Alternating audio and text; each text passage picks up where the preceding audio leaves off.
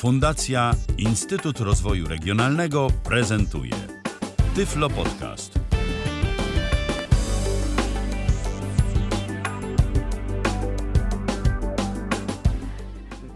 Witamy, witamy, dzień dobry. Mamy godzinę 19.06, 6 minut, ale jak to się mówi, lepiej późno niż wcale, czyli zaczynamy spot, na, naszą audycję w Tyflo Radiu na żywo. Dzisiaj, dzisiaj skład nietypowy, gdyż umawialiśmy się, słyszałem sygnały od ludzi, że przydałaby się kolejna audycja historyczna z naszym niesamowitym gościem, którym jest e, e, którym jest e, pan Marek Jakubowski. Dzień dobry, panie Marku. Dzień dobry wszystkim, dzień dobry. A audycję realizuje Michał Dziwisz. Witaj, Michale. Dzień dobry, dzień dobry. Ja dziś się będę wyjątkowo mało odzywał. Zostawiam to tobie, Michale. I Michał Brajer dzisiaj w roli prowadzącego tą audycję. Także przepraszam od razu za jakieś błędy. A dzisiaj, proszę Państwa, temat historyczny, tak jak zapowiadałem, czyli będziemy rozmawiać o historii Braille'a na przestrzeni wieków, jego ewolucji i będziemy także rozmawiać o y, pomocach dydaktycznych, które były y, wykorzystywane na początku edukacji osób niewidomych. Także myślę, myślę żeby tak zacząć od, od y, początku, czyli przenosimy, czyli tak na dobrą sprawę, to y, bra, pismo Braille'a ma swój początek y, u tak, tak naprawdę to pismo Kleina zapoczątkowało. Jak to było? Mm, Temat jest bardzo szeroki i tak naprawdę trzeba by naszym słuchaczom powiedzieć, żeby się nastawili, że posiedzimy do rana. Dlatego, że pismo Braille'a, e, no coś, co jest absolutnie rewelacyjnym pomysłem, było coś, bez czego nie byłoby postępu, nie byłoby edukacji niewidomych. Tak naprawdę to pismo było dopiero którymś nastym z kolei pismem, które próbowano wdrożyć do użytku przez niewidomych. I historia, tą, o której Michał powiedziałeś, pomoce dydaktyczne, pismo Braille'a, to tak naprawdę się wszystko z sobą łączy. Yy, Sytuacja jest dość zagmatwana, ponieważ tak się przyjęło. E, Nawet osoby, które nie widzą, często uważają, no, najpierw Bóg stworzył ziemię, potem e, e, Braille wymyślił swoje pismo i kurczę, fajowo jest, nie? A tak naprawdę ta rzeczywistość to była skrzecząca, trudna. Gdyby nie siła przebicia młodego Louisa Braille'a, to wcale nie wiadomo, czy to jego pismo przepchałoby się do rzeczywistości. Byli tacy, którzy wymyślili podobne pismo, też kropkowe, też wypukłe, ale nie mieli tej siły przebicia, którą miał młody Louis Braille. Także historia e, pisma Braille'a właściwie jest takim elementem w ogóle historii pism dla niewidomych, a było ich dużo. Niesamowicie dużo. To ja jeszcze chciałbym powiedzieć, że to jest audycja na żywo, zanim przejdziemy dalej. I oddaję głos Michałowi Dziwiszowi, żeby, żeby nam opowiedział, jak to jest możliwe. Tak to jest możliwe, że po prostu siedzimy i y, rozmawiamy, a właściwie, że wy siedzicie i rozmawiacie, to dlatego jest ta audycja na żywo. Natomiast y, możecie również y, wy, drodzy słuchacze, do nas się wdzwonić i możecie brać w tej audycji udział i na kilka sposobów, jak zresztą od pewnego czasu jest już tak zawsze. E, pierwsza metoda to jest Facebook, e, Facebook e, Tyflo Podcastu i transmisja tej naszej dzisiejszej audycji. Wpisujcie swoje pytania, jakieś przemyślenia, refleksje w komentarzach pod postem zawierającym film, który w tym momencie jest transmitowany. Natomiast to nie jest jedyna metoda, jest jeszcze Zoom, tyflopodcast.net ukośnik Zoom. Tam macie kilka linków, za pomocą których możecie się do nas wdzwonić, a oprócz tego mamy jeszcze e, nowość, czyli stronę kontakt.tyflopodcast.net i mamy jeszcze aplikację Tyflo Podcastu, e, w której to również jest taki mechanizm, za pomocą którego możecie do nas pisać. Te wszystkie e, metody kontaktu są do Waszej dyspozycji. No i cóż, zapraszamy. tyflopodcast.net ukośnik Tylko już, już. Ja, ja chcę tylko powiedzieć, że, że gość do Państwa dyspozycji. Także można zadawać pytania. A ja, ja bym przeszedł najpierw, może zaczniemy od pisma Kleina. Jak to, jak to było w ogóle, że niewidomi tak naprawdę czytali chyba na początku widzące litery? Eee, e, zaraz odpowiem na to pytanie. Eee, ja siłą rzeczy postaram się opowiadać e, o przedmiotach i rzeczach. Mam nadzieję, że opowiem e, w sposób e, ciekawy i jednoznaczny. Otóż zanim zacznę o tym piśmie Kleina, to zabiorę Państwa na parę minutek do Wiednia. Przeszło 200 lat temu zanim się jeszcze urodził młody Louis Braille, e, tam funkcjonowała szkoła dla niewidomych. To się nazywało wtedy trochę inaczej. E, to nie tyle była szkoła dla niewidomych, co zakład e, dla niewidomych. No nie wszyscy, nie, ten zakład wiedeński jest taki bardzo, bardzo znany i w tymże zakładzie, no w tej chwili już szkole, ośrodku, funkcjonuje Muzeum Tyflologiczne. Bardzo stare, bo o ile Muzeum Tyflologiczne w Owińskach ma kilka lat, e, to tamto muzeum ma, e, no powstało właściwie w roku 1900, czyli ma 120 e, lat. I w tymże muzeum na, gdzie jest ogromna ilość różnych ciekawych rzeczy, przedmiotów, książek, yy, papierków, no, rzeczy, które yy, osobie nie mającej wiele wspólnego z tyflopedagogiką yy, mogą nawet nic nie mówić. Ale na jednej z tych ścian wisi ramka, taka zwykła ramka formatu A4, a w tej ramce za szkłem jest kartka gruba kartka Bristolu, grubego papieru i broń Boże nie wolno dotykać ani tej ramki, ani tej kartki pod spodem, ponieważ na tej kartce pismem szpilkowym Kleina, czyli jakby takimi widzącymi literami wielkości około 8 do 10 mm, składającymi się z drobnych kropeczek, na przykład my, ich, au, dyzy, iwy, isz, wypukłymi literami, ale składającymi się z drobniuszkich kropeczek.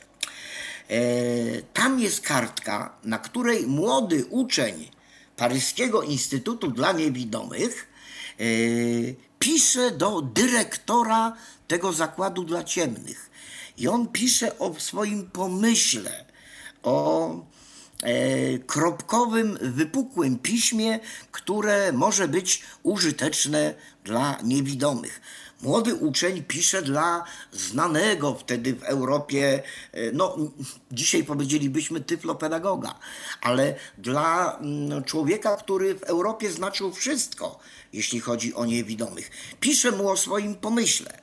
E, I z racji tego, że wielokrotnie już tam byłem w tym muzeum, e, kiedyś pamiętam, że koleżanka pozwoliła mi zdjąć ze ściany tą ramkę, wyjąć gwoździki z tyłu, wydłubać to pismo i położyć swoje palce na oryginalnym e, piśm, oryginalnym tekście, który młody Louis Braille napisał na drukarence Kleina czyli na drukarence, którą wymyślił dyrektor tego zakładu dla ciemnych w w Wiedniu. Mało tego, yy, wtedy niewidomi w całej Europie, w tych kilku szkołach dla niewidomych korzystali z tej drukarenki Kleina. Młody chłopak pisze taki tekst yy, i zachowała się kopia odpowiedzi dyrektora tego zakładu. Zobaczcie, dyrektor, nauczyciel, a jakiemuś tam gówniarzowi z Francji odpisał. E, Prawdą jest, że gówniarz z Francji też napisał po niemiecku do e, znamienitego człowieka. I pisze mu Wilhelm Klein, e, tak z pamięci zacytuję, ale pisze to dobrze dziecko, że uczysz się w szkole, dobrze, że chodzisz do kościoła, że pomagasz rodzicom w domu i najważniejsze, że chcesz się uczyć. Ale wybij sobie z głowy jakiekolwiek wypukłe kropki. Ten sposób pisma absolutnie do niczego się nie nadaje i nigdy nikomu do niczego nie będzie potrzebny. Mylił się wielki tyflopedagog. O ile wszystkie inne, większość innych rzeczy, które wymyślił, zrobił, ukradł, yy, z powodzeniem funkcjonowały w świecie niewidomych, no o tyle mylił się, jeśli chodzi o yy, pismo młodego Braille'a. Ale prorocze były słowa tego dyrektora, dlatego że nie miał Braille lekko z tymi, z tymi swoimi pomysłami, z wprowadzeniem tego pisma. Historia w ogóle jest niesamowicie ciekawa, bo Wilhelm Klein, y, który no, mieni się twórcą tego urządzenia, 5 sekund reklamy, y, w ośrodku w Owińskach mamy oryginalny egzemplarz takiej drukarenki Kleina, 217 lat. E, Koniec reklamy. Zapraszam serdecznie do obejrzenia. Można popisać na czcionkach, na których dwieście kilkanaście lat temu y, pisali niewidomi. Chodzi o to, że mm, Wilhelm Klein tak naprawdę nie wymyślił tej drukarenki. On ukradł pomysł, no trzeba powiedzieć sobie szczerze, ukradł pomysł yy, tak zwanego krzyżyka szpilkowego, którym jeszcze wcześniej yy, pisała Maria Terezja von Paradise. Yy, Wielka, wspaniała, ciekawa postać e, tyflologii, tyflopedagogiki. Mm, O tej kobiecie można by godzinami opowiadać. E, Tak, tak, Lucynka. Dzień dobry, widzę, że pani Lucyna Zalecka e, tutaj ogląda. I, mm, powiedziałem specjalnie dzień dobry do Lucynki i do Kai, dlatego że wielki szacunek. Gdyby nie wy kobiety, to tak naprawdę faceci po pierwsze nie mogliby wam kraść pomysłów, a po drugie myślę sobie, że no nie byliby tak twórczy. Nie wiem. Oj tak. I przerywaj, bo ja jestem gaduła, znasz E, e, Spoko, ja, ja jeszcze, jeszcze tylko powiem, że, że e, można by było chociaż, chociaż parę słów tak na, nakreślić, kim, kim, kim była owa, e, żebym tu nie zrobił w kuchy e, hrabina. Baronowa. dla osób zainteresowanych, które, e, które napiszą, czy to do Was, do Tyflo Podcastu, czy na mojego maila, mogę wysłać film o tej niesamowitej kobiecie. Pani nazywała się Maria Terezja von Paradise i była córką damy dworu e, e, wiedeńskiej, mm, wiedeńskiej hrabiny.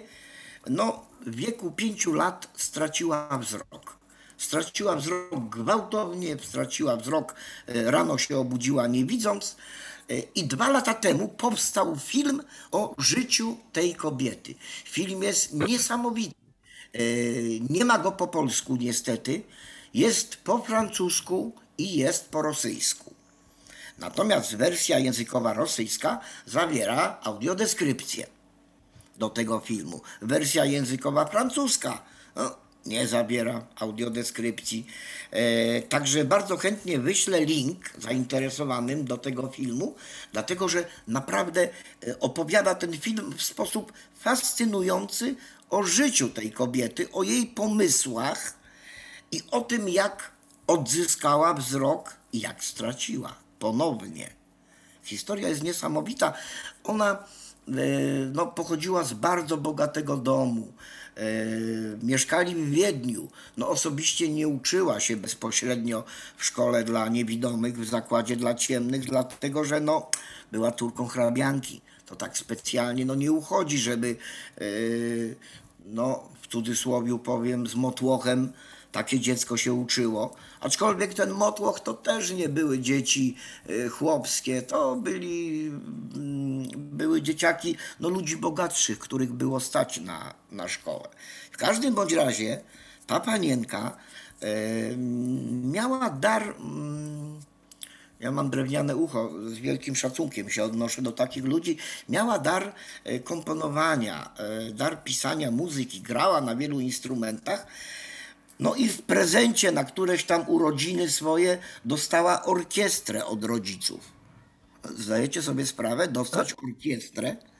No, No. takie powiem wyjątkowe w tych czasach, bo no kto by, kto by pomyślał, jeszcze, jeszcze się nasuwa pytanie, jak dosłownie orkiestrę z muzykami? E, tak, to byli muzycy. No, nie była to orkiestra typu orkiestra symfoniczna, ale tam było kilkanaście osób i oni mieli grać to, co ona komponuje. I okej, wszystko było bardzo dobrze, tylko że problem polegał na tym, że ona nie mogła zapisywać nut. Ona straciła wzrok w wieku tam troszkę wcześniej niż 5 lat. Ona nie miała pamięci e, świata widzącego, tak przynajmniej pisze. Niemniej jednak wykombinowała sobie urządzenie, które pozwalało jej e, zapisywać nuty komponowanych przez siebie utworów.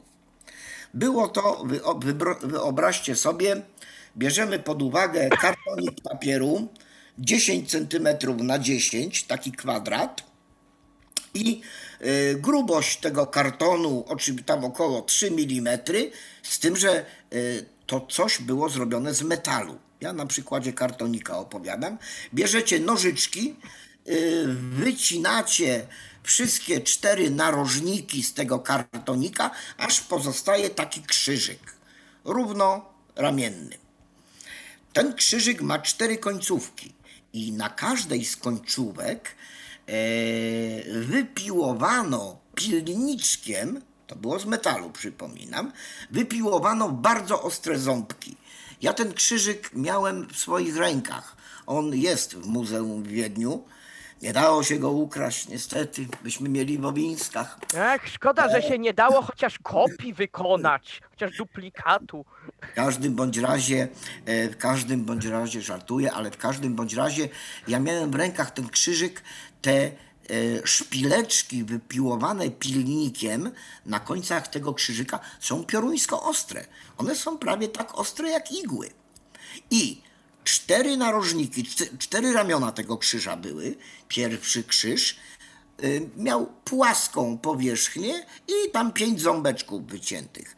Drugie ramienie krzyża miało też wycięte bodajże sześć ząbeczków, ale końcówka była zagięta w kształcie widzącej litery V.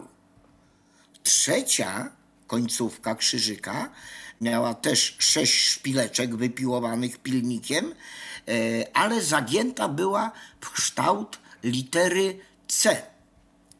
I e, czwarta końcówka była e, zagięta, też miała sześć, sześć szpilek, była, przepraszam, miała osiem szpilek i była prosta.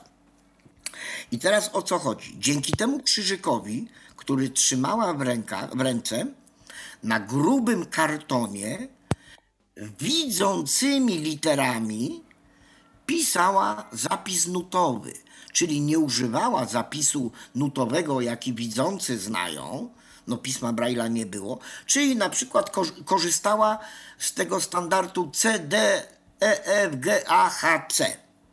I na pięciolinii, którą sobie wyrysowywała takim specjalnym radełkiem, y, zapisywała nuty w ten sposób. Dało to się czytać palcami. Ona, jako osoba niewidoma, mogła to czytać palcami. E, Orkiestranci czytali wzrokiem, ponieważ e, stworzyła y, przy pomocy tych czterech końcówek tego krzyżyka, można było stworzyć każdą widzącą literę. Każdą. Mm, Nie było umlautów akurat, no ale to nie było potrzebne wtedy. Y, Także y, Kobitka wymyśliła coś, co podpatrzył Wilhelm Klein. I no, na tyle ukradł pomysł, że go właściwie usprawnił. Zamiast jednego krzyżyka wymyślił urządzenie, gdzie tyle ile liter widzących, tyle zrobił metalowych słupków w wysokości około 2 cm, średnicy 8 mm na 8 mm i na każdym ze słupków były powbijane szpilki tworzące litery. Ciekawostka polegała na tym, że e, trzeba było pisać, mówiąc po poznańsku, na rymby, czyli trzeba było pisać w odbiciu lustrzanym. I to trochę stanowiło problemu, ponieważ ta Maria Terezja no, nie bardzo mogła kontrolować od razu to, co napisała. Ja tylko tak y, dopytam, y, w odbiciu lustrzanym, czyli tak jak na tabliczce. Dokładnie tak, od prawej do lewej. Mhm. Na podkładce gumowej ona wtedy pisała na podkładce z filcu. Tak mniej więcej grubości e, 4 mm podkładka filcowa, na tym się bardzo dobrze pisała. No ale to była jedna Europa i jedna Maria Terezja, która miała orkiestrę bardzo bogatych rodziców i nie widziała. Ona oprócz tego, że komponowała, y, zaczęła pisać pamiętnik, korzystając z tego swojego krzyżyka. I tu się zaczynają niesamowite historie, bo o ile y, na, na samym początku, y, o ile na samym początku te kartki jej pamiętnika, miałem okazję mieć go w ręce, są mało ciekawe. Ona tam pisze o jakichś lalkach, o jakichś domkach e, dla, e, dla tych lalek, o obiadkach. No, generalnie takie dziewczęce pierdoły. Przepraszam, słuchające na spanie. Ale to takie jakieś było. Natomiast ona potem stała się panienką. E, zaczęła opisywać, była mądra kobieta, wykształcona, oczytana. E, zaczęła pisać o świecie, który dookoła jest niej, o świecie, którego nie widzi, ale który poznaje. Rodzice na głowie stawali, jeździli z tą, z tą dziewczyną e, po całym świecie po to, e, no, żeby spróbować przywrócić jej wzrok. Pieniądze były zjechali Europę i całkiem przypadkiem dotarli do Paryża. Oczywiście nie było jeszcze wtedy młodego Louisa Braille'a. E, Natomiast w Paryżu był i przyjmował klientów lekarz, który nazywał się François Mesmer. Czyli w tej chwili powiedzielibyśmy hipnotyzer. I tenże pan, oni, e, rodzice razem z tą dziewczyną, udali się do tego pana i e, zabrzmi to niesamowicie nieprawdopodobnie. Ale on po kilku sesjach tych działań terapeutycznych przywrócił wzrok. E, Maria Terezja zaczęła widzieć. Zaczęła widzieć bardzo dobrze i ciągle prowadzi ten pamiętnik. Ona ciągle pisze. E, I cały czas wypukle?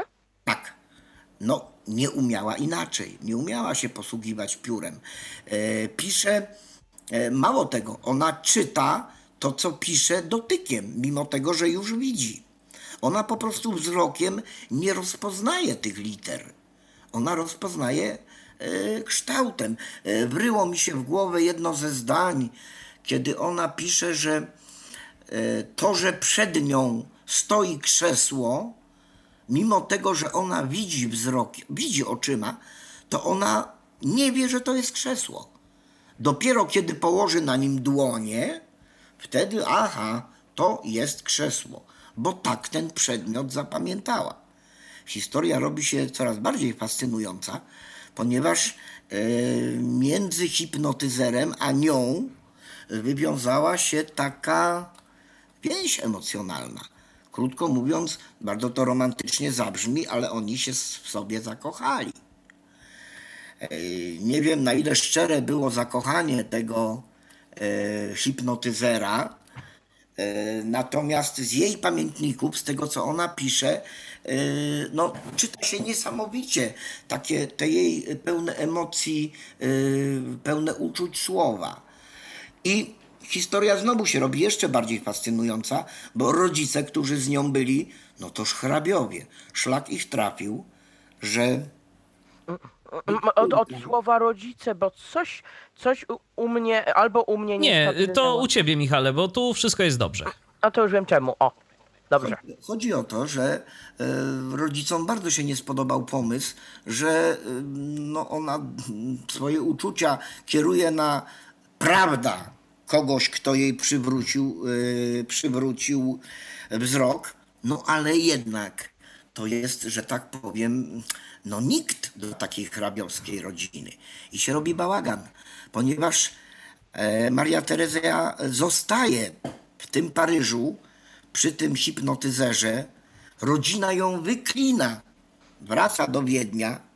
Po trzech miesiącach wspólnego no, mieszkania hipnotyzer porzuca tą Marię Terezję i dwa dni później ona traci wzrok. Zupełnie. Tak jak poprzednio. Szok.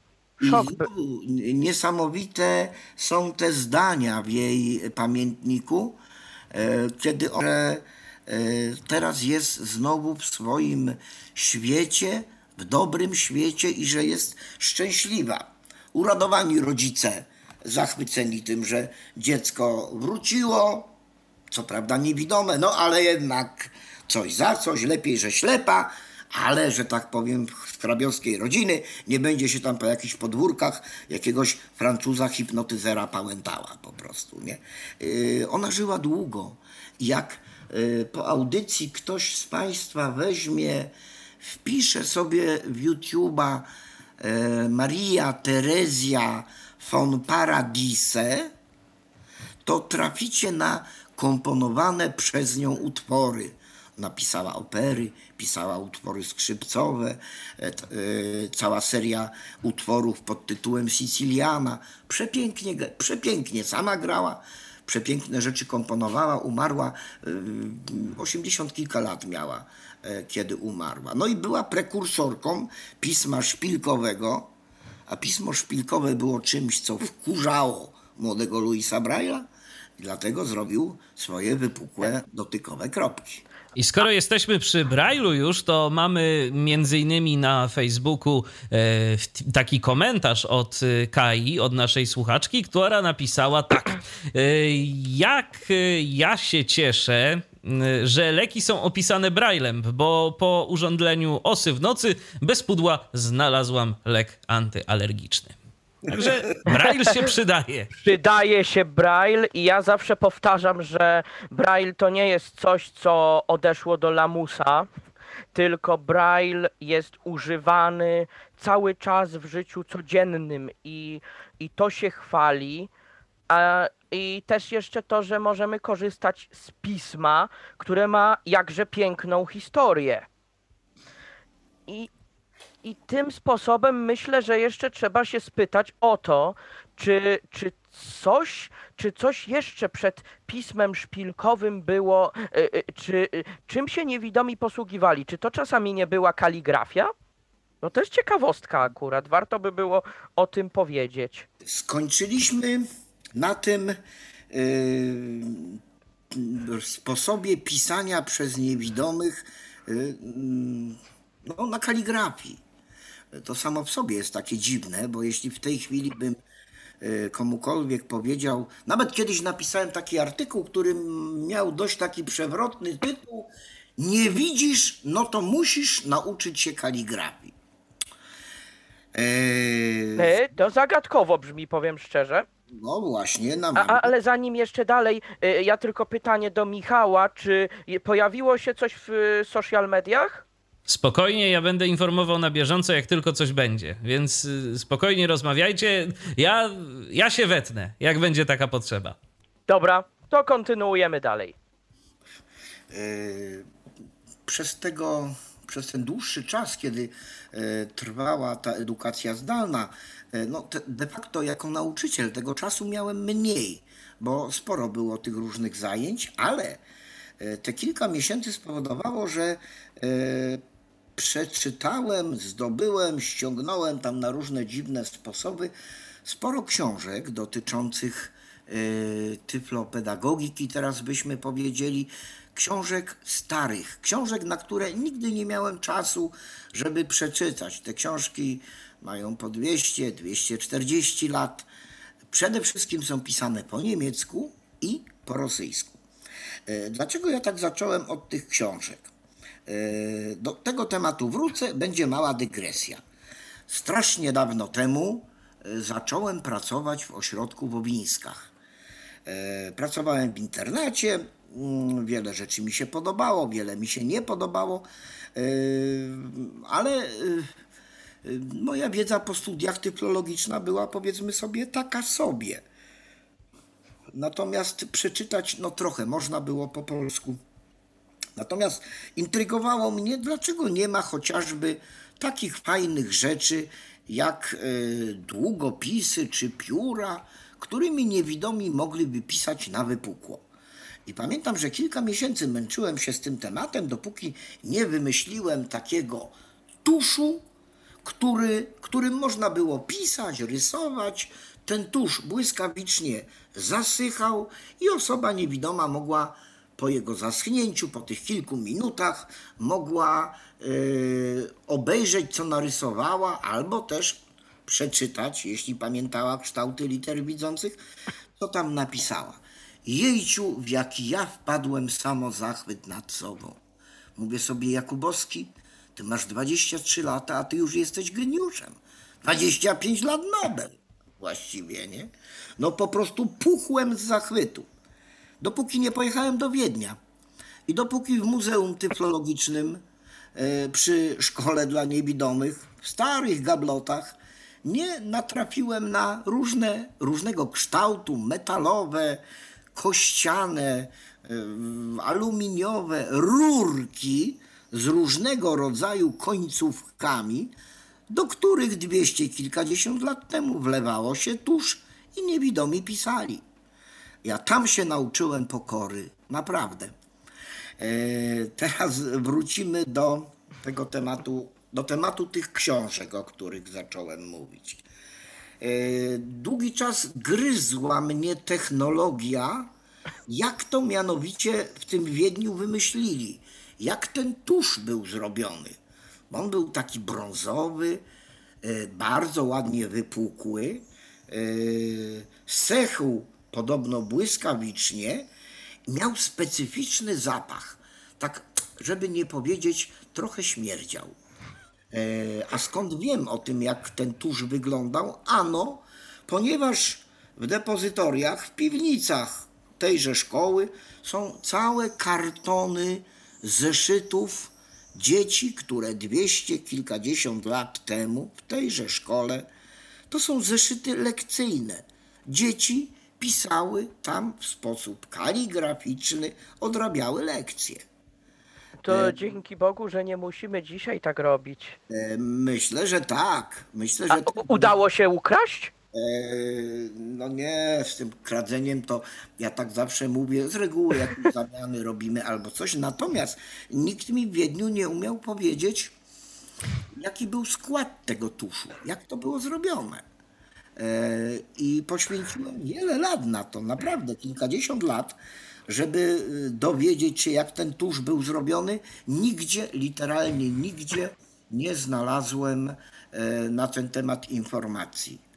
Natomiast podczas tejże e, izolacji wirusowej e, koleżanka z Petersburga przysłała mi informację, czy jestem zainteresowany taką książką, którą napisał e, Martin Kunz, Niemiec, na temat tuszu dla niewidomych. No mówię, no jestem zainteresowany, tylko jak ja do ciebie podskoczę, samoloty nie latają, jest problem. Ona mówi, nie latają samoloty, nic nie działa, ale nie działają również celnicy, a poczta działa. I 10 dni później miałem oryginał tej książki, wypożyczony oczywiście przez koleżankę. Książka napisana po niemiecku, nie gruba, kilkadziesiąt stroniczek, gdzie autor opisuje technologię wykonywania tego tuszu dla niewidomych. E, opisuje, podaje dokładnie parametry składników, co do tam miligrama e, oraz sposoby, jak można robić te dziwne długopisy, którymi można pisać i rysować. Największą ciekawostką w tym wszystkim jest to, że tu e, książki, i nie jest to żadna reklama, autor pisze, że wszystkie produkty, które on podaje, należy kupować w sklepie papierniczym u Joachima Fogla na Wittelbachstraße 16. Tak z ciekawości wziąłem, rzuciłem okiem w internet, patrzę, no jest taka ulica w Wiedniu, jest tam sklep papierniczy i pod tą samą, y, pod tą samą firmą. Z ciekawości zadzwoniłem. Pani mówi, że to jest tylko firma po pradziadku, że oni owszem mają sklep papierniczy, no tam takie ich nie powiedzielibyśmy mydło i powidło teraz. Ale kiedy ją tak mówię, że 230 lat temu facet was reklamował, pisząc, że tam wymieniam składniki, które on podawał, że tylko u was można kupić. Nawet pani nie bardzo umiała mm, powtórzyć nazwy tych składników. Ale to taka ciekawostka właśnie, bo cierpliwość i czytanie książek może doprowadzić do tego, że jakiś temat gryzie cię 30 parę lat, a potem się okazuje, że ten sposób, który wymyślono te 230 lat temu, był 100 razy lepszy od tego, który wymyślił młody chłopak po studiach po prostu, nie? Także. Yy, Cza, cza, czas, no, czasem widzicie, że, cieka że ciekawość jak człowieka zżera, no to czasem trzeba poczekać nawet 30-40 lat, bo człowiek uczy się całe życie.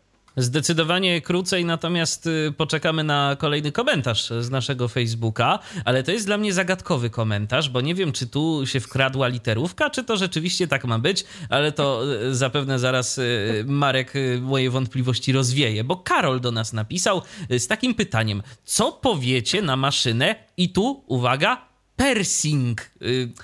Czy przypadkiem nie chodziło o Perkinsa, ale może jest coś, o czym nie wiem, więc. Ja, ja bym szacował, że to Perkins. E, też myślę, że tak. Po prostu literówka.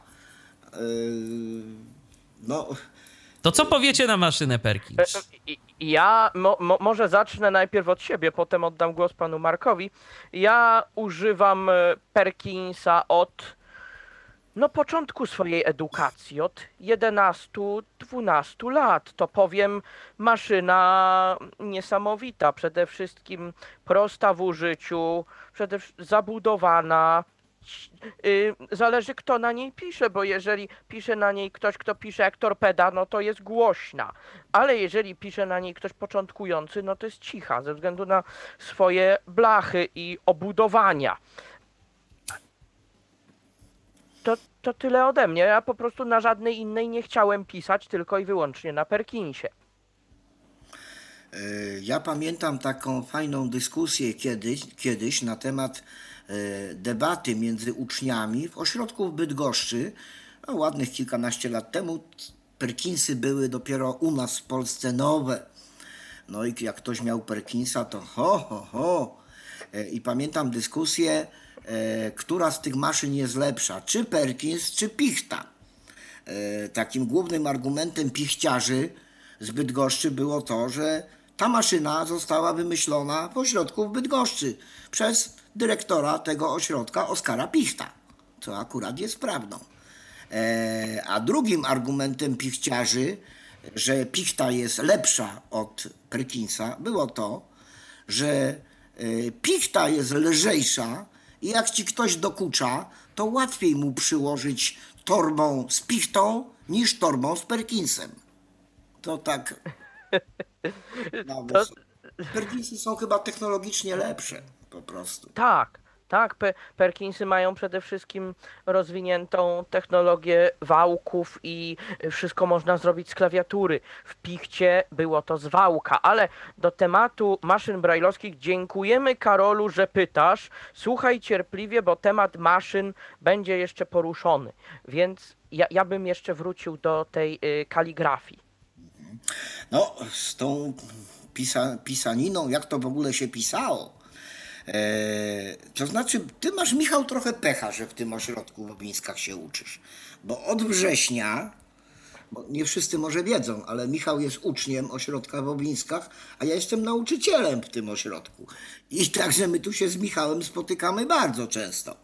Eee, ale od września, Michał, będziesz się trochę bawił kaligrafią, w sensie pozytywnym akurat. Zaraz wyjaśnię o co chodzi. E, otóż, żeby pisać kaligraficznie, musiały być specjalne przyrządy. Bo wyobraźcie sobie, że macie pióro z jakimś tam ryjkiem, lejkiem e, o średnicy mniej więcej milimetra, z którego jak równo przesuwacie, to na papier wylewa się tusz, którego nie wolno dotknąć, bo po prostu się rozmarze. Trzeba odczekać te kilka, kilkanaście nieraz minut, żeby to można było żeby to można było przeczytać. Otóż powstały dziesiątki różnych przyrządów, e, w których to przy, przyrządy składały się, były jednolinijkowe, wielolinijkowe. Mm, e, nie będę ich dokładnie opisywał, bo było ich wiele. Natomiast istotną rzeczą w tych przyrządach były kratki. Te kratki były większe niż w tabliczce brajlowskiej i one były albo ustawione pionowo, tak jak w tablicy brajlowskiej, albo na ukos, taki trochę rąb skierowany w prawo. I e, prowadząc długopis po wewnętrznych krawędziach tej kratki, no uzyskiwało się tam jakąś literę.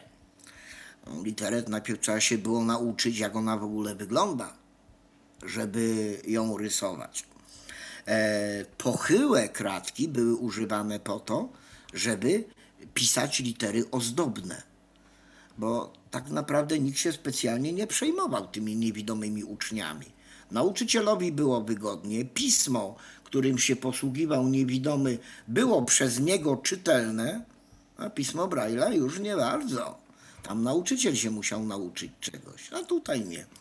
E, I uważano, że skoro, no trudno, nie widzi, ale nie ma żadnego powodu, żeby nie uczył się, skoro uczące dzieci, widzące dzieci uczą się kaligrafii, bo taki jest prog program e, austriackiej szkoły, no to również niewidomi też powinni się uczyć tejże kaligrafii.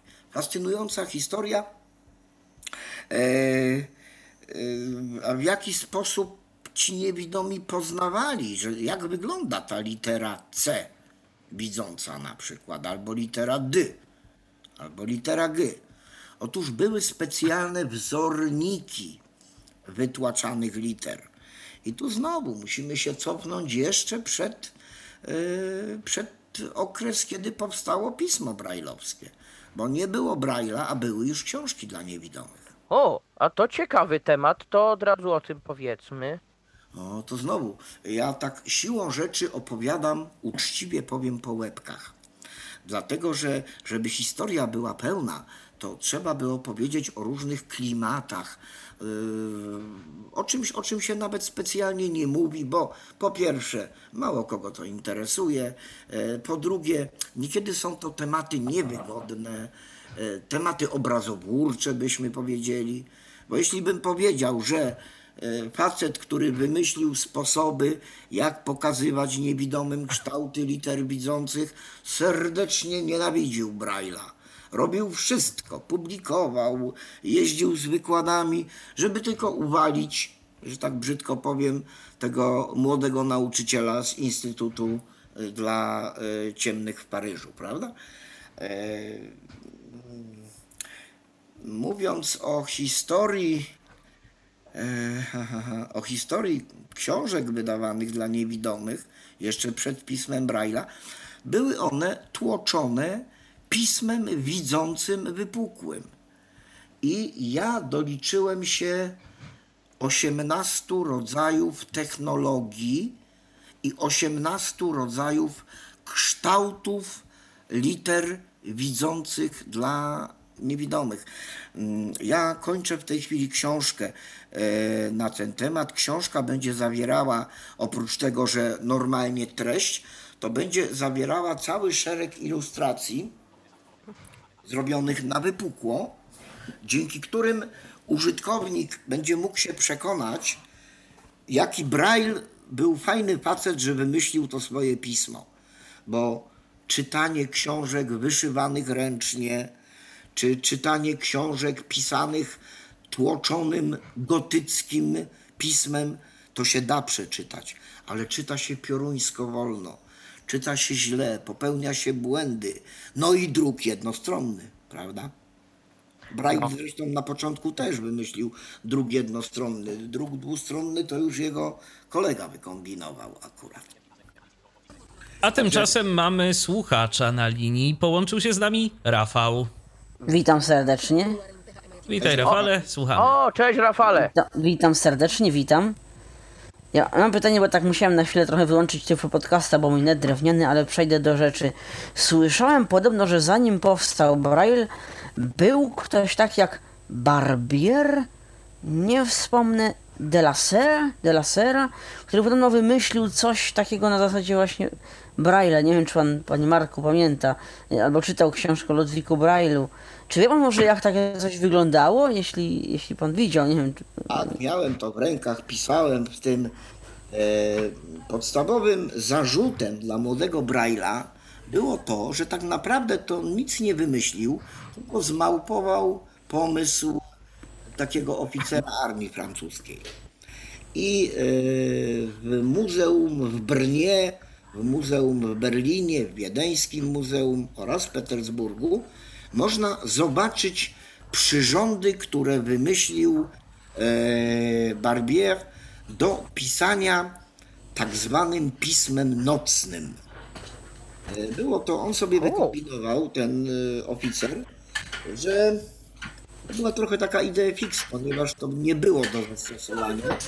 On swój pomysł najpierw usiłował sprzedać e, tam e, we Francji różnym instytucjom wojskowym. Chodziło o to, że na przykład w nocy w okopach nie ma światła No tak. trzeba napisać. I że oficer pisze tymi kropkami, tam tych kropek było dużo więcej. To był bodajże 12 punkt, po 6 kropek w jednym rządku. No i że oficer pisze, a żołnierz czyta. Ani ten oficer nie miał takiej możliwości, żeby napisać, a już wyobraźcie sobie żołnierza, e, który gdzieś coś takiego czyta, no toż musiałby się nauczyć, e, powiedzmy sobie, prawie języka nowego.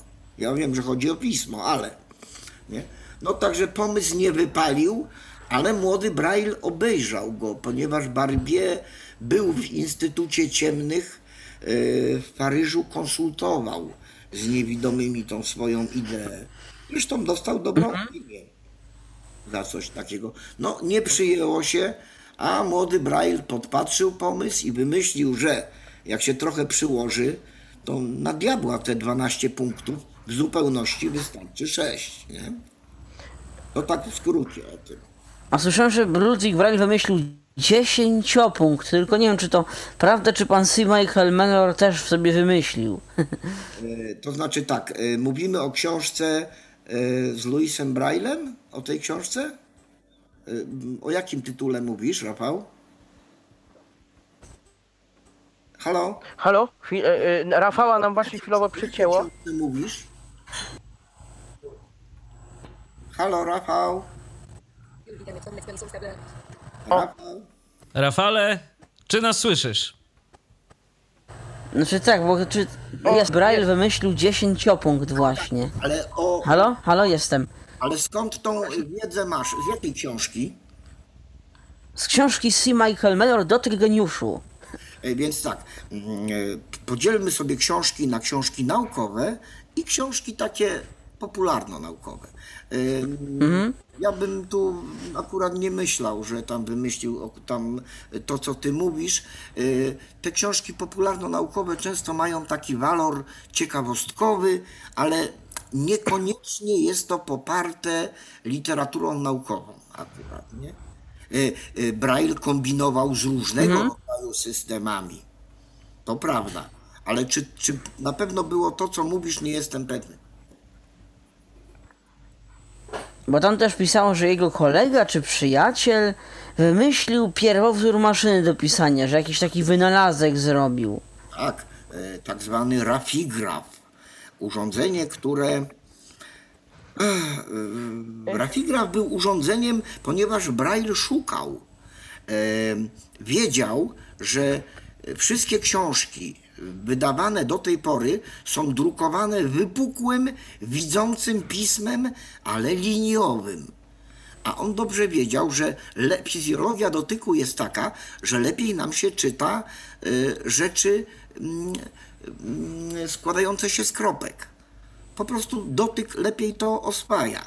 I y, Braille wymyślił na początku taki rodzaj pisma widzącego, które składało się z ogromnej ilości kropeczek.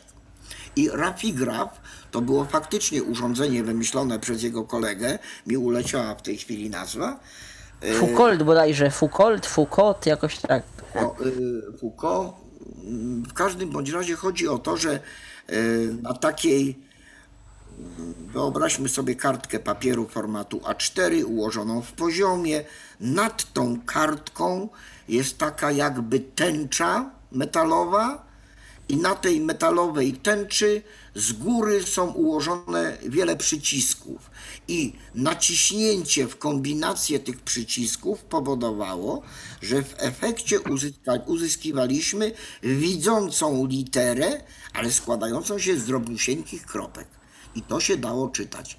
E, Urządzenie jest do obejrzenia w Brnie, działające. Osobiście pisałem na tym urządzeniu. Urządzenie O o tyle ważne i ciekawe, że to jest dokładnie to urządzenie, które wymyślił kolega, dokładnie ten egzemplarz. Ono było produkowane jakiś czas. No potem postęp, y, myślenie Braille'a spowodowało, że na diabła te widzące litery, y, gdzie litera No A tak. składa się z 15 kropeczek, skoro może się składać z jednej kropeczki. Tak, skoro, skoro można udoskonalić to pismo. E, Rafale, czy, czy, czy coś jeszcze? Nie, dziękuję za, za informację, dziękuję. To, to dziękujemy bardzo, pozdrawiamy i zapraszamy do słuchania dalej. Mm, To tak weszliśmy trochę na te maszyny brajlowskie. E, Taka zagadka dla wszystkich. Jak myślicie, ile różnego rodzaju maszyn brajlowskich, typu Pichta, typu Perkins i tam różne, różne inne, ile w ogóle pojawiło się w Europie? No i w Stanach. O. E, Oczywiście dla słuchaczy informacja, to jest pytanie do konkursu bez nagród. No z nagrodami. Z nagrodami? A, Następne. Tylko tutaj wyłączamy pana Michała Brajera z tego konkursu, bo ja chyba kiedyś o tym mówiłem, ale osoba, która będzie najbliższa cyfry, otrzyma opracowany przeze mnie w ośrodku e, pomoc dydaktyczną do nauki Braille'a i kształtów liter widzących, tak zwany różaniec. E, Urządzenie już jest dopracowane, od 1 września będzie funkcjonowało w naszym ośrodku jako pomoc dydaktyczna i w ośrodkach e, w Berlinie, w Moskwie i w Wiedniu właśnie. Dodatkowo jest do tego aplikacja dźwiękowa, która powoduje, że nauka jest ciekawa i e, góra, miesiąc i najgorszy osioł zna perfekt kształty liter Braille'a wszystkich i kształty liter widzących przetestowane i sprawdzone. I to będzie nagroda dla tego, kto y, zgadnie, ile mniej więcej y, przez cały okres rozwoju pisma Braille'a funkcjonowało różnych typów maszyn brajlowskich. o, po, po, powiem wprost, ja nie pamiętam. U, całe szczęście. No, teraz To, To, to, teraz, to teraz myślę, że warto jeszcze e, pokontynuować temat, y, temat książek. Jak to się w ogóle stało, że, że w ogóle książki zaczęły powstawać, bo to jest ciekawe, bo ja powiem szczerze, myślałem, że y, książki to się zaczęły od, y, wynale- od pisma liniowego Kleina. E, Pismo Kleina było pismem szpilkowym. Aczkolwiek Klein również próbował tłoczyć e, książki w piśmie liniowym. To prawda, próbował. A, a, jak, y, a, a jak zaczęły powstawać pierwsze książki? Jak one były, jak one były w ogóle pisane, drukowane? E, W ośrodku w Owińskach możemy obejrzeć e, kartki albo książki drukowane pismem liniowym e, w różnych krajach Europy. E, Niekiedy są to tylko kartki, ponieważ bardzo często były to pojedyncze egzemplarze, z których udało mi się tam zdobyć do naszego muzeum pojedyncze arkusze, a niekiedy są to całe książki. E, One były drukowane widzącymi literami wypukłymi, i znowu nikt nie zwracał uwagi na fizjologię dotyku i na to, jak to się czyta. E, Po prostu zakładano, że skoro funkcjonuje kursywa e, mm, gotycka w Niemczech, to drukujemy kursywą gotycką, tylko powiększoną. Litery miały wielkość mniej więcej 7 mm, niekiedy trochę większe niekiedy i dziewięć. I dało to się czytać, tylko powoli, ponieważ kładąc palce na punkcie brajlowskim, no wystarczy drgnienie opuszka palca i my wiemy, co to jest za litera. A tutaj trzeba było e, tą literę na przykład G drukowaną objechać całą dookoła. Mało tego, stosowano, e, tak wiernie trzymano się druku e, widzących, że stosowano duże i małe litery. Przeczytanie tych małych liter e, jest naprawdę, naprawdę trudne. Ja kiedyś, e, jest z nami pani e, Lucyna Zaleska, m, e, u nich pracuje, w ośrodku w Krakowie pracuje pani Beata Germanistka, i kiedyś dogadaliśmy się z panią Beatą, pojechaliśmy do Berlina i usiedliśmy przy starych książkach pisanych po niemiecku, tłoczonych pismem wypukłym liniowym. Ponieważ pani Beata jest germanistką, zna język niemiecki, e, no, czytała, natomiast e, da się to przeczytać, ale strasznie, strasznie wolno w stosunku do, w stosunku do pisma punktowego. I a propos pisma punktowego, a właściwie nawet jego skróconej formy, to mamy tu pytanie od Jakuba. Mam pytanie, czy poruszycie panowie temat skrótów brajlowskich? Idea mi się bardzo podoba, ale chyba u nas jest niezbyt rozwinięta. Dziękujemy za pytanie. Ja powiem wprost, nie korzystam ze skrótów, korzystam z Braille'a, nie wiem jak to ująć, podstawowego, no, normalnego Braille'a, ale wiem o tym, że są ludzie, którzy ze skrótów korzystają, a jak to ze skrótami było, no to może odpowiedzmy słuchaczowi. E, A Michał, dlaczego, to teraz ja się pobawię trochę, a dlaczego nie znasz skrótów brajlowskich? Powiem szczerze, że, że skrótów się nie uczyłem. No właśnie, a dlaczego? Jakoś, jakoś przyznam, że to umknęło, albo może nie byłem ciekawy. To ja tu jeszcze przy okazji odpowiem z takiej drugiej perspektywy, bo ja uczyłem się przez całą swoją edukację w szkole masowej. Y, To nauka podstawowego, tego integralnego Braille'a, to było już coś, co no, osoby gdzieś tam ze mną współpracujące, no nie powiem, że może przerosło, ale dla których było dość dużym to wyzwaniem. Y, No to jeszcze skróty, to o skrótach ja się szczerze mówiąc tak świadomie to dowiedziałem no, w wieku tam kilkunastu lat, a może i nawet później, bo co prawda y, no, czytałem sobie te czasopisma dla najmłodszych pod tytułem Promyczek i tam było coś takiego, co się nazywało Uczmy się skrótów, ale, jak, ale szczerze powiedziawszy to nie wiedziałem w ogóle o co chodzi. Dla mnie to był jakiś totalny kosmos, bo wyobraźcie sobie taką sytuację. Ja tu nagle sobie czytam, czytam, rozumiem cały tekst, wiem o co chodzi, natomiast za moment mam Uczmy się skrótów i to jest jedyne, co ja jestem w stanie rozczytać y, z tej jednej albo kilku kartek następujących po, po tym haśle. Po prostu nie rozumiałem totalnie z tego nic i dopiero za jakiś czas no, taką informację dostałem, że no, jest coś takiego faktycznie jak te skróty i to ileś ich typów chyba nawet jest, no i dzięki nim można szybciej czytać i też szybciej pisać. No, sprawa jest, temat jest w ogóle fascynujący. Dla mnie osobiście też, bo tak jak w każdej dziedzinie życia, nie byłoby postępu, gdyby człowiek człowiekowi nie był wilkiem. E, I na przykład młody Braille wymyślił swoje pismo, no to się Klein wkurzył, że to, to tu jakiś młodziak będzie mu tam kombinował, jego jest lepsze. Ale w tym czasie też Ernst Hebold też ma pretensje do Braille'a i wymyśla swoje pismo. E, ktoś tam kolejny wymyśla znowu swoje pismo. I tak naprawdę jest strasznie dużo tych różnych rzeczy powstaje i yy, ma to plusy, bo daje to postęp. Po prostu ma też minusy. Te, o których, konkretnie ten, o którym teraz mówimy. Wracamy do pisma Braille'a u nas, do Polski i do tego, przepraszam, Y, jak to było z tymi skrótami. Y, w Polsce istnieje pierwsza polska szkoła dla niewidomych, powstała w Lwowie. Y, w tej szkole zaczynają funkcjonować skróty. Skróty niemieckie i austriackie. E, w tych krajach, w Niemczech, do tej pory skróty są powszechnie nauczane. One są użyteczne, pioruńsko. U nas też by były użyteczne, ale do tego wrócimy. W Niemczech są użyteczne chociażby dlatego, że każdy rzeczownik zaczyna się zawsze z dużej litery. Czyli, że możemy sobie odpuścić ten znak dużej litery.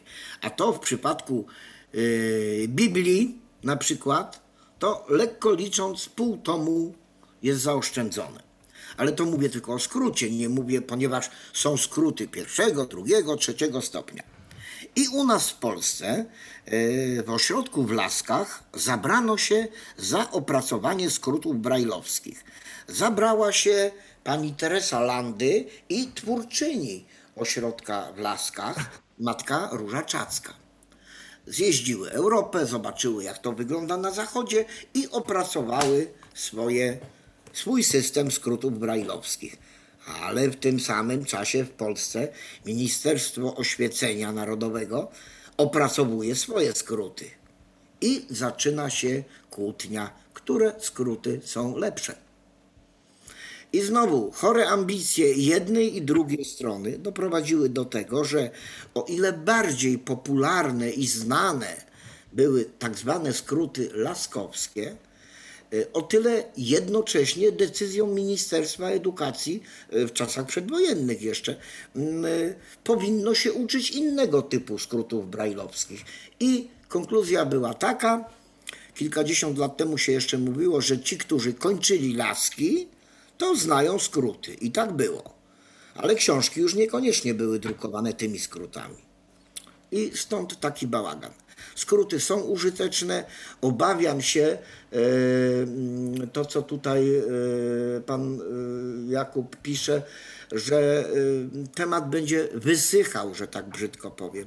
Te skróty są użyteczne, natomiast tragedią jest tragedią naprawdę to, że nie uczy się młodzieży pisma punktowego. Naprawdę tragedią. Gro dzieciaków uczy się w tej chwili w szkołach masowych. Tam, jeśli pani nauczycielka wie, że która kropka to jest literka A, a co to jest znak cyfry, a jeszcze wie, jak wygląda kilka innych liter, to już jest wybitnym specjalistą pisma Braille'a. I żenujące jest to, że wychodzi się z założenia, że a po co ten Braille, jak dzieciaki mają komórki, powiększalniki, skanery, komputery. Ano, u mnie y, jest już od dawna jedna gotowa odpowiedź na to. Rozwój intelektualny y, mm, w przypadku poznawania tekstu poprzez czytanie i poprzez słuchanie jest ogromna różnica. Niegramatycznie się wyraziłem. Chodzi o to, że nasz mózg jest tak, a nie inaczej skonstruowany i my możemy oczyma i, możemy dotykiem, ale i w jednym wypadku, i w drugim my wkładamy własną energię, wolę poznawania. Ze słuchaniem jest trochę inaczej. Ja się mogę położyć, założyć sobie słuchawki i albo słucham, albo nie słucham. I niestety e, edukacja w szkołach masowych doprowadza do tego, że e, ta młodzież nie zna Braille'a. Na palcach jednej ręki policzę tych, którzy znają, a którzy korzystają i czytają, to już jest zupełnie osobna sprawa. Jest jeszcze jeden aspekt. Nie ma książek w tej chwili drukowanych w piśmie Braille'a. Pewno, że można by sobie drukować, ale pani w szkole masowej powie, a po co to? Przecież jest skaner, prawda? Także ja, panie Jakubie, jestem zwolennikiem skrótów brajlowskich i w ogóle pisma Braille'a, ale rzeczywistość skrzeczy. Oj, oj tak, oj tak, to, to prawda. Nawet y, powiem, że tablica skrótów jest zastosowana, tutaj trochę wejdę na mm, elektronikę, ale w notatniku brajlowskim eBay. Więc jak ktoś skróty zna, to, to serdecznie zapraszam do potestowania. Jeśli ktoś to są- posiada eBaya, to... Przerwę ci, Michał, to są skróty laskowskie czy skróty inne? Niemieckie. Powiem, że dobre pytanie, ale jak będę rozmawiał z panem Konradem Łukaszewiczem, bez, od razu udzielę odpowiedzi. Bo wi- y, wiem, że tablica skrótów jest obszerna. O, y, rozpisali się nasi słuchacze na Facebooku. Y, Henryk napisał jakiś czas temu: Jestem pod wrażeniem pana wiedzy, a później napisał do nas jeszcze Karol. Y, Mnie też zastanawiało, po co my uczymy Braille'a, przecież mamy dużo technologii. Taka wypowiedź Karola przed momentem się pojawiła. A ja widzę, że dołączyła do nas Angelika. E, Cześć Angelika. E, Może na to pytanie Angelika byś odpowiedziała. Nie wiem, czy ty jesteś. Y, ja- Ja tylko się spytam, która Angelika Prymus? Tak. To serdecznie pozdrawiamy, cześć. Chyba jest tylko na. słucha nas, a nie ma możliwości e, odezwania się. Ja powiem, ja powiem od siebie. Ja uważam, że jeżeli ma się notatnik brajlowski, a nie, uż, nie ma do niego linijki brajlowskiej, to jest to utrudnienie wielkie. Bo na przykład, ja powiem ze swojego doświadczenia. Na przykład, y, powiem, jestem ministrantem i włożę, wrzucę sobie czytanie na niedzielę do notatnika bez e, linijki brajlowskiej, to trochę głupio. Dlatego, że to nie ja odczytam, tylko wbudowany syntezator. A jeżeli ja mam to pod palcami, to ja mogę sobie z satysfakcją odczytać na głos ten tekst. I ja uważam, że Braille'a można unowocześniać, bo o to chodzi. Można go konfigurować, ale nigdy w życiu z niego nie rezygnować. A to ja się z wami trochę pokłócę, bo ja akurat, y, bo ja akurat y, mam y, zdanie takie pośrodku, powiedziałbym szczerze. I to wynika akurat z moich jakichś tam takich doświadczeń. Ja absolutnie nikogo bym w życiu nie namawiał do tego, żeby Braille'a się nie uczyć, bo Braille'a uczyć się trzeba. y, Trzeba. Co zresztą y, no, pokazuje przykład Kai, która do nas pisała dziś y, o tym, że y, była w stanie chociażby odczytać y, y, napis na opakowaniu leków. Natomiast powiem szczerze, y, to co mnie y, zniechęciło gdzieś tam y, do korzystania takiego, z takie, do korzystania z Braille'a na co dzień, to rzeczywiście mała ilość literatury, A co za tym idzie, kiedy czytamy mniej braillem, to czytamy siłą rzeczy wolniej. I jak mamy, do jak mamy do wyboru przeczytać sobie książkę y, którą odczyta nam synteza, a przeczytać sobie książkę Braillem i tak naprawdę tylko i wyłącznie kwestią skupienia się na tym tekście jest to, czy my to sobie przeczytamy i czy coś z tego zrozumiemy, zapamiętamy. No przynajmniej ja tak mam. Ja oczywiście mogę sobie gdzieś tam czytać i słuchać tego jednym uchem, ale no powiedzmy sobie szczerze, jeżeli chcemy zrozumieć coś z tekstu, który czytamy, to po prostu musimy się tak czy inaczej na nim skupić, bez względu na to, czy czytamy braillem, czy czytamy y, za pomocą syntezy. Być może rzeczywiście to, to jest dyskusja i to jest y, temat odwieczny, czy rzeczywiście ten nasz mózg inaczej funkcjonuje? Być może tak. Natomiast ja jestem akurat na przykład z tych osób, które Braille'a owszem znają, ale na co dzień w dzisiejszych czasach używają go bardzo mało i chociażby na przykład te y, komunikaty, które teraz odczytuję, y, które do nas e, słuchacze piszą, powtarzam po prostu za syntezą. Y, ja bym może, bo zgadzam się, trudno się nie zgodzić z jedną i z drugą argumentacją. I ja też się zgadzam Ale Michała. jest jedna rzecz. Ty na przykład, Michał, jeden i drugi, wy wykształciliście już sobie dodatkowy kanał poznawczy. Wy go już macie. I wy zawsze możecie do niego wrócić. A ktoś, kto się nie nauczył Braille'a, ten po prostu jest pozbawiony tej możliwości. Oczywiście. I, o, i, I ja absolutnie, mimo tego, że uważam, że Braille w dzisiejszych czasach po prostu ze względów praktycznych ma coraz mniejsze gdzieś tam znaczenie y, w takim codziennym życiu, tak? Bo nie mówię, że w ogóle. Natomiast, tak uważam. natomiast ja absolutnie nigdy nie zalecałbym komuś. Żeby tego Braille'a się nie uczyć, bo ten Braille po prostu będzie przydatny. I tu bardzo mądrą rzecz napisał do nas przed momentem e, Henryk. E, I Henryk napisał tak: jak najbardziej trzeba uczyć się alfabetu Braille'a, żeby nie alfabet Braille'a, nie napisałbym żadnej wiadomości na telefonie. I to jest rzeczywiście też istotna rzecz. Pisanie na dotykowej klawiaturze smartfona jest zdecydowanie wolniejszym procesem niż jak sobie skalibrujemy odpowiednio punkty na ekranie i zaczniemy pisać Braillem. Oczywiście, że tak. Tak, i, i, mi, i mi też właśnie o to chodziło na temat unowocześniania Braille'a, bo ja powiem też na co dzień nie korzystam, bo no nie mam takiej, nie mam też takiej możliwości, ale jak mam nawet linijkę pod y, komputerem w Owińskach, no to bardzo rzadko ją włączam, co miałbym mniej, mniejszą linijkę, to powiem do notatnika jednego, czy właśnie do eBaya, bym ją czasem zastosował. Ja opowiem dwie dykteryjki, krótkie, ale e, tak w temacie. Bo ja też uważam, e, Kuba bardzo ładnie tutaj pisze, że nie trzeba tworzyć fałszywej alternatywy, albo braille, albo synteza. I zwrócił uwagę na coś słusznego. Języków obcych bez braille'a uczy się trudno. Tak. Bardzo trudno. Prawda? Ale to dwie dykteryjki takie. Jedna sprzed kilku lat, jeszcze nie było smartfonów, były zwykłe telefony, tam na nich można było coś zapisać.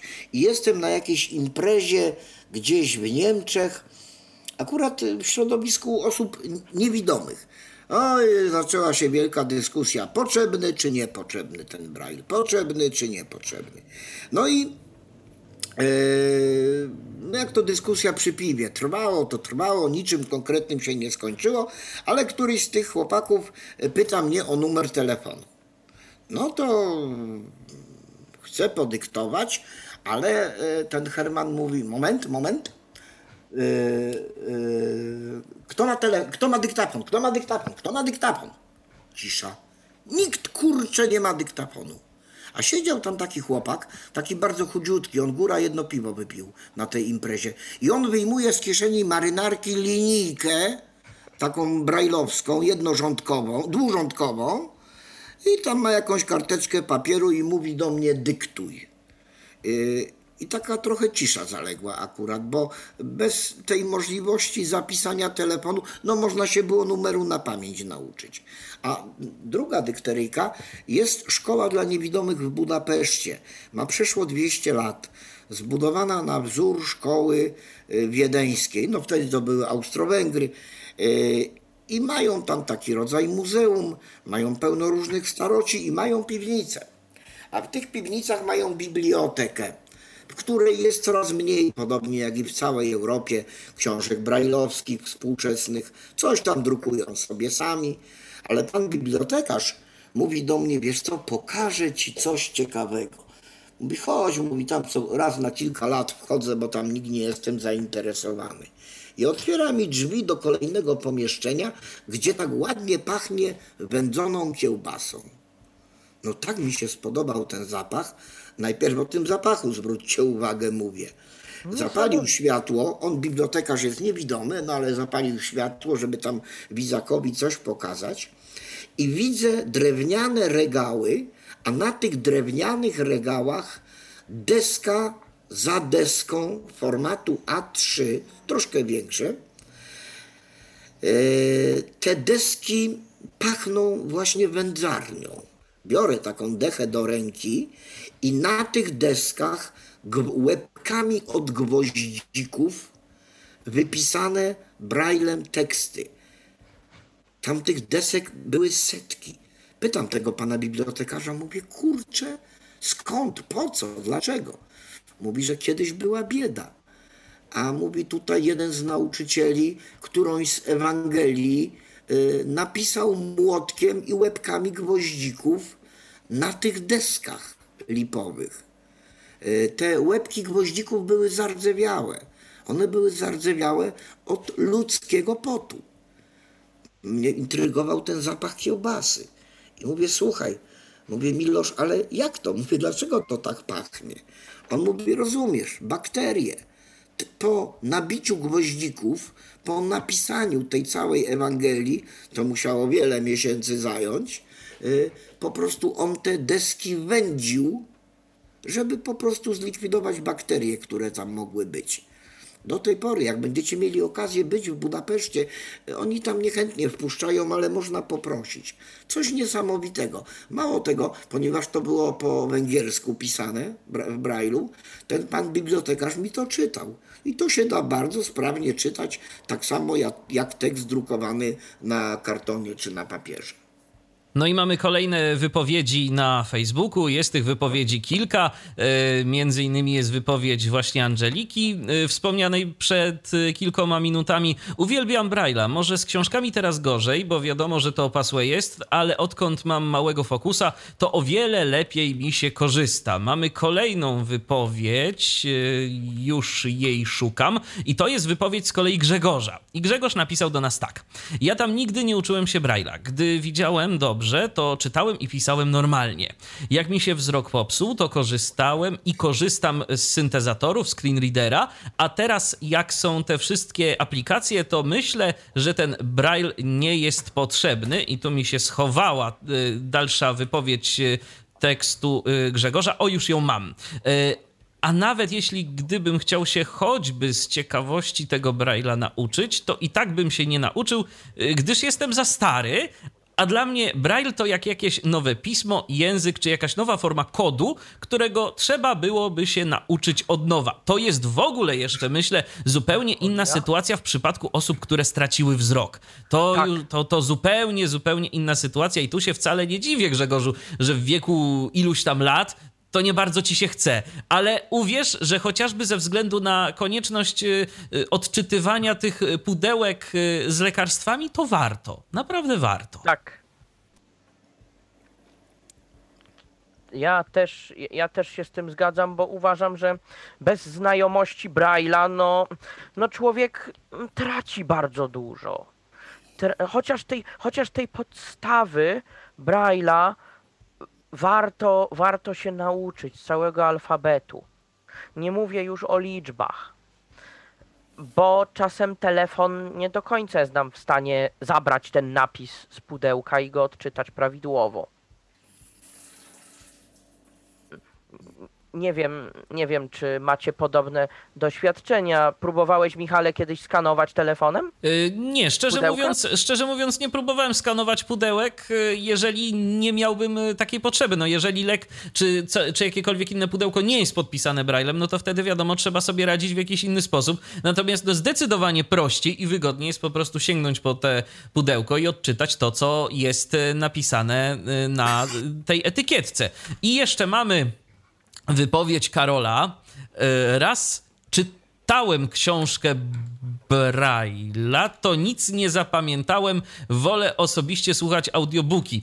Y, Tu ja tak się zawahałem na moment, bo Karol y, chyba dyktował ten tekst, tę wypowiedź i tak sobie teraz pomyślałem, no Karolu, gdybyś to napisał, to byłoby nam prościej odcyfrować tę twoją wypowiedź, natomiast no rzeczywiście no jest, jest to coś, jest to coś rzeczywiście, że ja na przykład, y, ja y, os, wypowiedzi tych osób, które tak dość sceptycznie podchodzą do, do Braille'a i do jego używania na co dzień, to ja jak najbardziej rozumiem, natomiast no tak jak mówię, uczyć się warto jednak Warto. mimo wszystko, bo też tę szkołę jakoś trzeba przejść, słuchajcie. Tak, a bez Braille'a ni, ni, no w ogóle ni w ząb, ni w ząb się nie da. No, zapis chemiczny, zapis matematyczny na przykład, no Michał, możesz dużo To powiedzieć. znaczy, wiecie co, ja też, ja Tak. też bym nie mówił, że się nie da. Ja też bym nie mówił, że się nie da, bo, bo my też wszystkich rzeczy nie znamy y, i nie do końca jesteśmy sobie w stanie wyobrazić y, różne podejścia y, ludzi do, do danego tematu. Na pewno jest to podejście w takiej sytuacji nietypowe i prawdopodobnie nie dla każdego. Ja y, taką dykteryjkę, może bardzo króciutką, ale y, świadczącą o tym, że pismo Braille'a jest fajne. Y, Tutaj mm, Grzesiek powiedział, że on jest stary. Ja, ja mogę powiedzieć, że jestem stary, ty Grzegorz jeszcze ho, ho, ho. Ale jak ja byłem w wieku Grzegorza, pamiętam taką sytuację, byłem na jakiejś konferencji w Moskwie. I tam już nie pamiętam dokładnie tematyki, ale to tak konferencja była taka dęta, taka napuszona i tak sztywno i taka cisza niesamowita. I nagle dostaję od mojej koleżanki, Rosjanki akurat, karteczkę w Braille'u. Na tej karteczce było napisane spadamy, bo zaraz będzie przynudzał. No, akurat przykład, że y, może być to użyteczne po prostu. Bo- to dykteryjkowato. Bądź jak znamy Braille'a, możemy komuś coś Braillem, szyfrem powiedzieć. U nas były takie osoby, które w Owińskach, które normalnie Braillem mówiły. Ja, ja próbowałem, da się, jest to fajne. I można komuś przekazać takim szyfrem wiadomość. Y, Ja słyszę coś, że mamy słuchacza na linii, także można go wpuścić. To już momencik, bo właśnie... Ale ja jeszcze chciałbym zapowiedzieć, że jeśli ktoś e, chce, to zapraszamy do dzwonienia do nas na Zoomie. Mm, W, zapraszamy, wchodźcie i z nami rozmawiajcie. Jest z nami ponownie Rafał. Witam, no bo ja chciałem, chciałem nawiązać z powrotem do tego czytania Braille'a, nie czytania Braille'a i tak dalej, jeśli oczywiście mogę. E, otóż, jak ja czytałem Braille'a, to było w latach 90., to ja kocha, e, znaczy kochałem panią polskiego mniejsza z tym. Nie wiem dlaczego Braille mi zawsze pachniał jesiennymi liśćmi. Możecie się z tego śmiać, nie? Ja zawsze kochałem czytać później Braille'a, bo t- taki, to było niezwykłe, prawda? Że ty, ty jako osoba niewidoma mo- możesz osoby widzącej poczytaj mi książkę, tak? Tylko ja, Coś nam, coś nam te wypowiedzi Rafała, no niestety u, u, uciekają. Y, Rafał w ogóle zdaje się ma jakiś problem chyba po prostu z internetem, więc. y, No ale w każdym razie. otwieram, O, prawda? O tym myślicie? Rafale, y, ucieka nam twoja wypowiedź. Powtórz, Powtórz. powtórz, o, powtórz. To o- powtórzę jeszcze raz, że za, zawsze No nie. y, To, to Braille mi się kojarzył z, nie wiem, takim zapachem jesieni. tak, tak, to, to słyszeliśmy. To słyszeliśmy, Rafale. Dobrze, y, dziękujemy No ci bardzo. że Mhm. Bo ma, Znaczy, masz ja no niestety jakiś problem po prostu z internetem i nam cały czas uciekasz. Napisz. Więc napisz, może po prostu napisz, tak. Napisz do, na aplikacji Tyflo Podcast na przykład. E, ja myślę, ja myślę, bo tak trochę, trochę żeśmy uciekli, ale to dobrze, to, to, to się chwali akurat za aktywność uczestników. Też zapraszam, tak jak mówiłem, do dzwonienia. Z przyjemnością z wami też porozmawiamy w taki sposób. Ale jeszcze bym przeszedł teraz, czy, czy o książkach e, pierwszych dla niewidomych można, można jeszcze coś powiedzieć? Bo myśmy skończyli na, na tych e, kartkach w piśmie liniowym. Y, Historii o ciekawych książkach dla niewidomych jest bardzo dużo. Y, mm, Że tak powiem, boję się, że te historie by nam zabrały masę czasu, aczkolwiek niektóre są fascynujące. E, Jak myślicie, kiedy powstała pierwsza książka dla niewidomych? Pierwsza. To, to ja spróbuję strzelić. Ale to ty chyba wiesz, bo myśmy chyba dyskutowali o tym kiedyś. A, No, to, to nie wiem, kolejna zagadka, czy pan odpowie na to pytanie, bo powiem, To znaczy się możemy zrobić zagadkę, druga osoba będzie otrzyma taki sam zestaw do nauki Braille'a i pisma widzącego z aplikacją na smartfona, jak y, ta z pierwszego konkursu. Kiedy powstała pierwsza, powiedzmy sobie, profesjonalna książka dla niewidomych? Dodam dla ułatwienia długo przed okresem brajlowskim, długo przed pismem Kleina.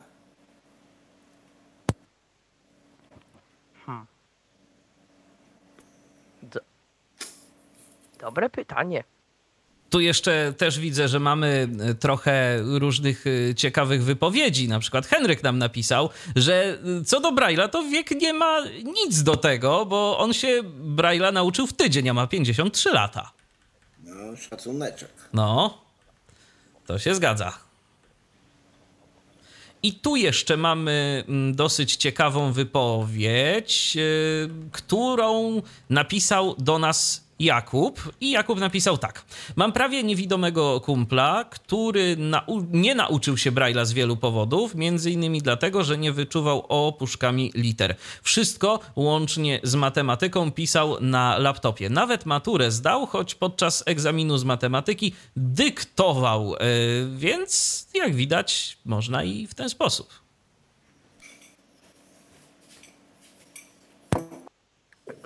To, to ja jeszcze pytanie, i, i co zrobić w takiej sytuacji, jeśli osoba niewidoma nie wyczuwa kropek brajlowskich? Jest to problem mm, poruszany zarówno przez psychologów, jak i przez medyków, kiedyś przez nauczycieli.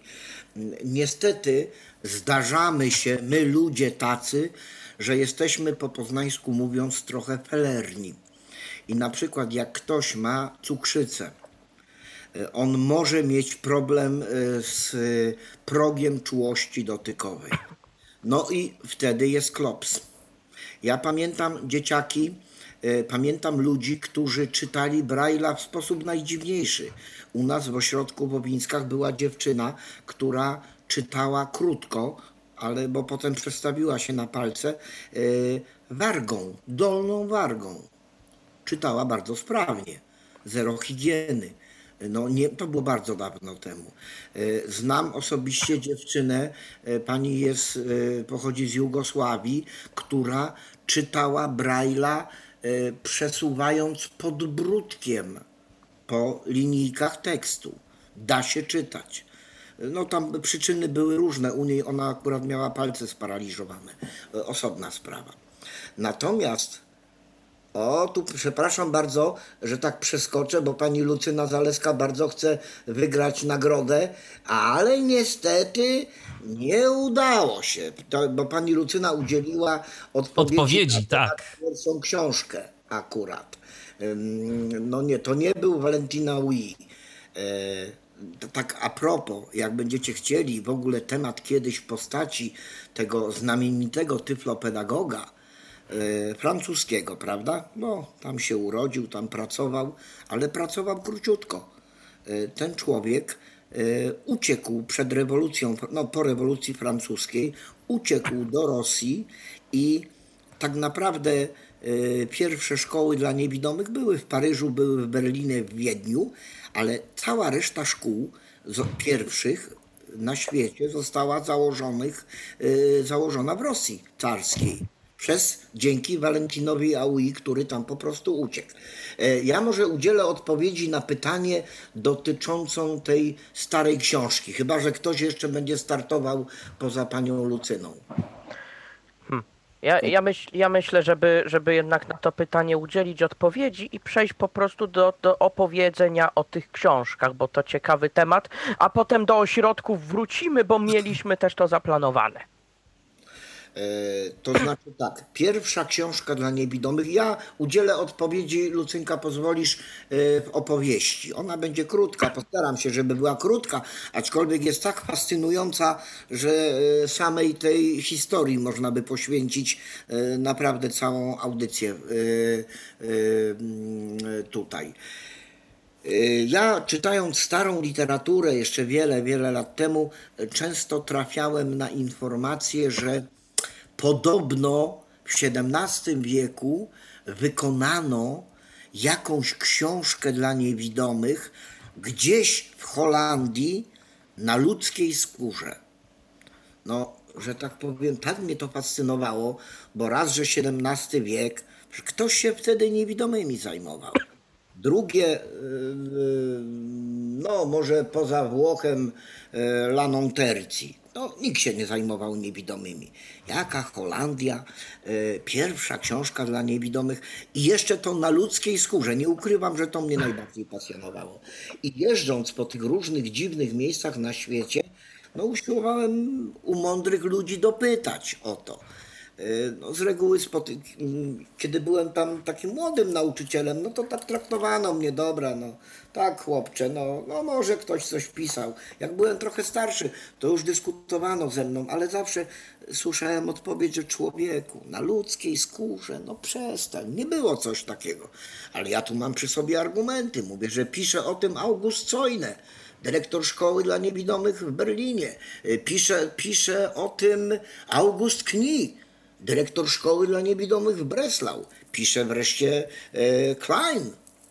E, No, generalnie nigdy mm, nie udało mi się uzyskać odpowiedzi, aczkolwiek w literaturze na tą informację trafiałem.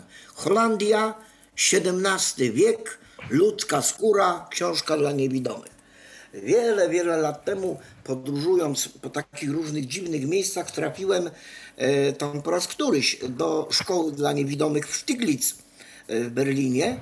E, I ponieważ tam swego czasu mm, szefem tego muzeum był bardzo życzliwy, taki niewidomy chłopak, Mówię, słuchaj, a może by tak do piwnic? Ale co ty, mowy nie ma, jakie piwnice, dyrektor i tak dalej, tam mowy nie ma. Piwnice są czymś najfajniejszym, absolutnie.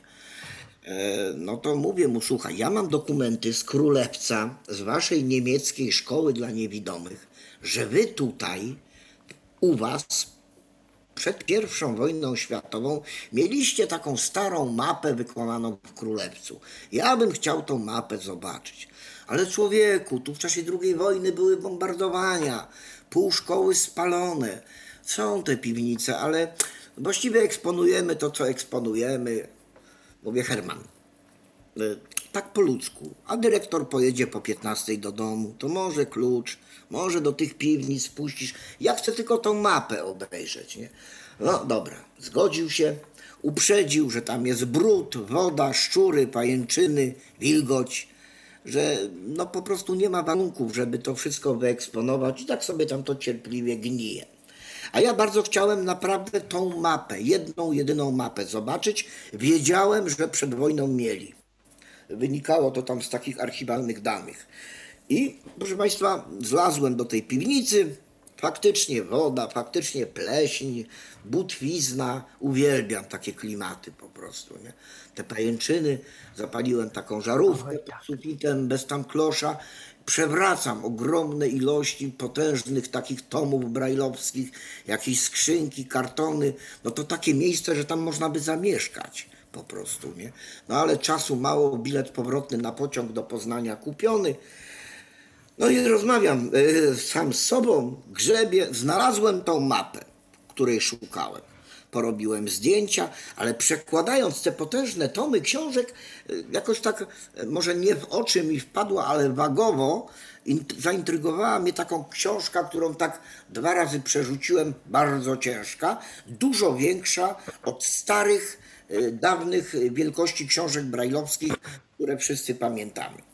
I no jakoś tak czasu mało, ale pokusiło mnie.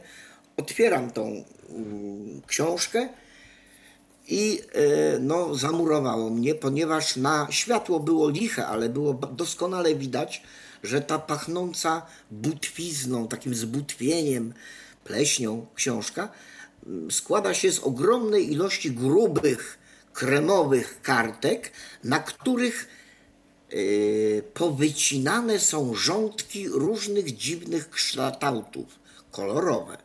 Jakieś Wow. krzaczki, jakieś domki, kółeczka, trójkąciki, równiutko przyklejone na te arkusze papieru. Yy, Te kształty są z grubego kartonu, doskonale wyczuwalne. Przewracam jedną kartkę, drugą, piątą, wszędzie to samo. Ani słowa w żadnym widzącym tekście, tylko i wyłącznie te dziwne obrazeczki. E, No tak pierwsze co pomyślałem, to mówię sobie, kurczę, a może Niemcy mają tą książkę właśnie.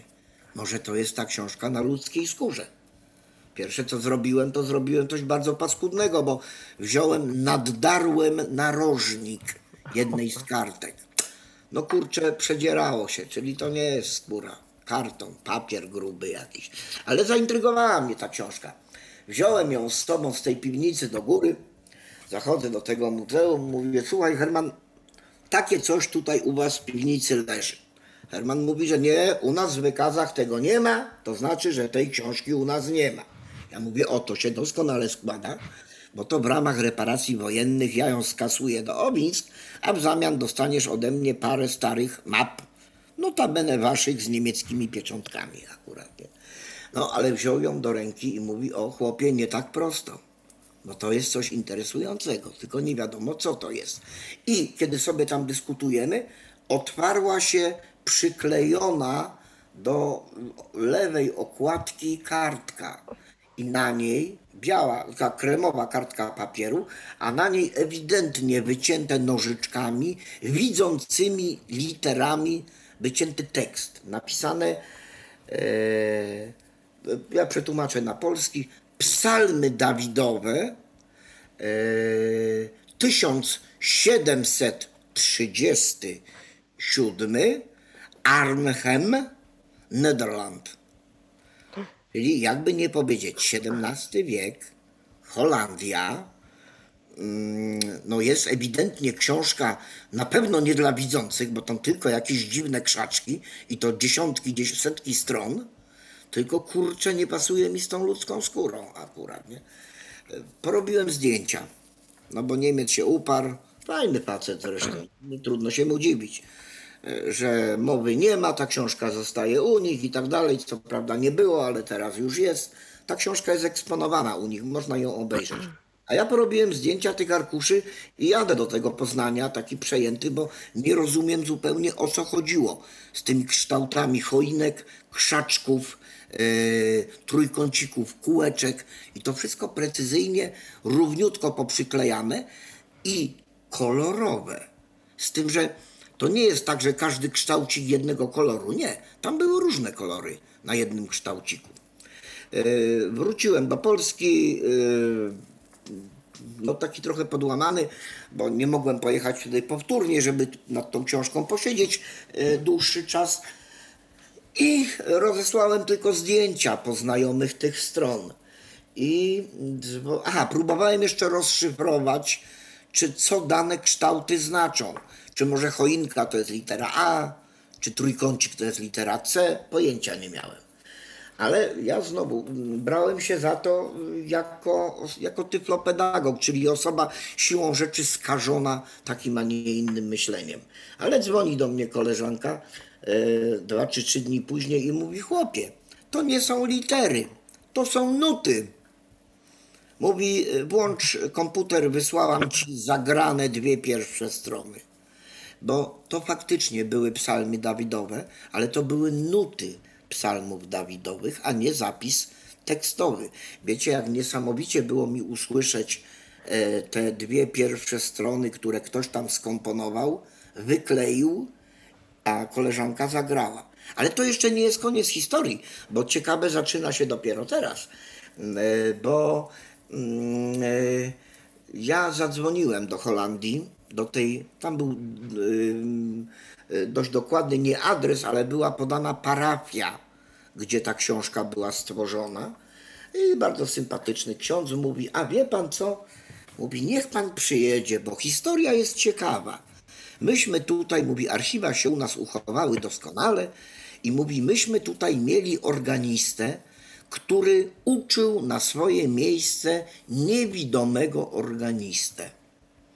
I bardzo prawdopodobne, że to on tą książkę zrobił. No, wymyślił taki, a nie inny sposób zapisu nutowego, żeby móc tego swojego niewidomego ucznia uczyć. Ja pojechałem do tej Holandii. Myśmy tam spędzili kilka bardzo sympatycznych dni w archiwach tego kościoła i e, faktycznie tak było, jak mówię, ale prawdziwa ciekawostka jest dalej, ponieważ byłem w tej Holandii, kiedy syn do mnie dzwoni i mówi: Ojciec, myśmy e, wpuścili do takiego programu graficznego te różne dziwne choinki, trójkąciki i tak dalej. I wiesz co? Y, To jest powycinane z kart Tarota Marsylskiego, który ówcześnie służył do wykonywania wróżb i tak dalej, nie? Ojej, czyli. Ale poczekaj, my tu sobie gadamy z tym księdzem, a ksiądz mówi, jeszcze panu ciekawostkę opowiem. Ten organista, który uczył tego niewidomego organistę, miał żonę czarownicę i myśmy ją tu spalili na stosie. Także y, takiej historii, jak teraz opowiedziałem, są dziesiątki, jak nie setki. Y, No, ja, gdyby nie ci dziwni ludzie, nie byłoby, nie byłoby mm, postępu. niesamowite. Ja bym, ja bym też w życiu tego bym szczerze nie powiedział. Ja na początku myśl, pomyślałem sobie, że to jest symbolicznie, bo jeszcze, jeszcze wskazywało, no to ten XVII wiek, no to tak sobie pomyślałem, hmm, nie wszyscy łacinę znali, to może jest to po prostu symboliczne wytłumaczenie dla takiego laika, jakby y, tekstu biblijnego. Y, Ja może odpowiem, y, odpowiem Jakubowi, bo on tutaj Kuba napisał, Kuba ma rację w swoim tekście. On pisze, że jeśli to 1734 to XVIII wiek, a nie XVII. Kuba, masz rację. Y, XVIII, tak. Ja po prostu spotykałem się w literaturze y, z tą y, informacją, tam, że XVII wiek, XVII wiek, y, no i dlatego tak właśnie, y, masz ewidentnie rację, to jest moja kucha. I tu jeszcze mamy jedną wypowiedź, która gdzieś tam w ferworze tych komentarzy, które publikujecie na Facebooku, mi umknęła. A tu Angelika napisała też dosyć ciekawą kwestię, o której zresztą swego czasu mówiliśmy też w Tyflo Przeglądzie, ale myślę, że i w dzisiejszej audycji warto również o tym wspomnieć. Nie wiem, czy wiecie, ale nie tylko na lekach napisy brajlowskie są. Ostatnio spotkałam się z napisem na ryżu. Firma Melvit czyni takie cuda. Napis jest na boku pudełka e, Melvit ryż biały. No to rzeczywiście całkiem e, ciekawa sprawa. Oczywiście e, to napisy brajlowskie są na różnych elementach. Tu zdaje się też jeszcze wśród tych komentarzy Jakub wspominał też o windach chociażby, no więc ten braille jest tu i ówdzie obecny i żeby się tak na szybko zorientować, no to, to rzeczywiście wtedy warto go przynajmniej potrafić rozpoznawać. Ja, jeśli można, bo tak się nam robi 21, e, ale chciałem, jeśli jesteście zainteresowani, chciałem zaprosić do ośrodka w Owińskach.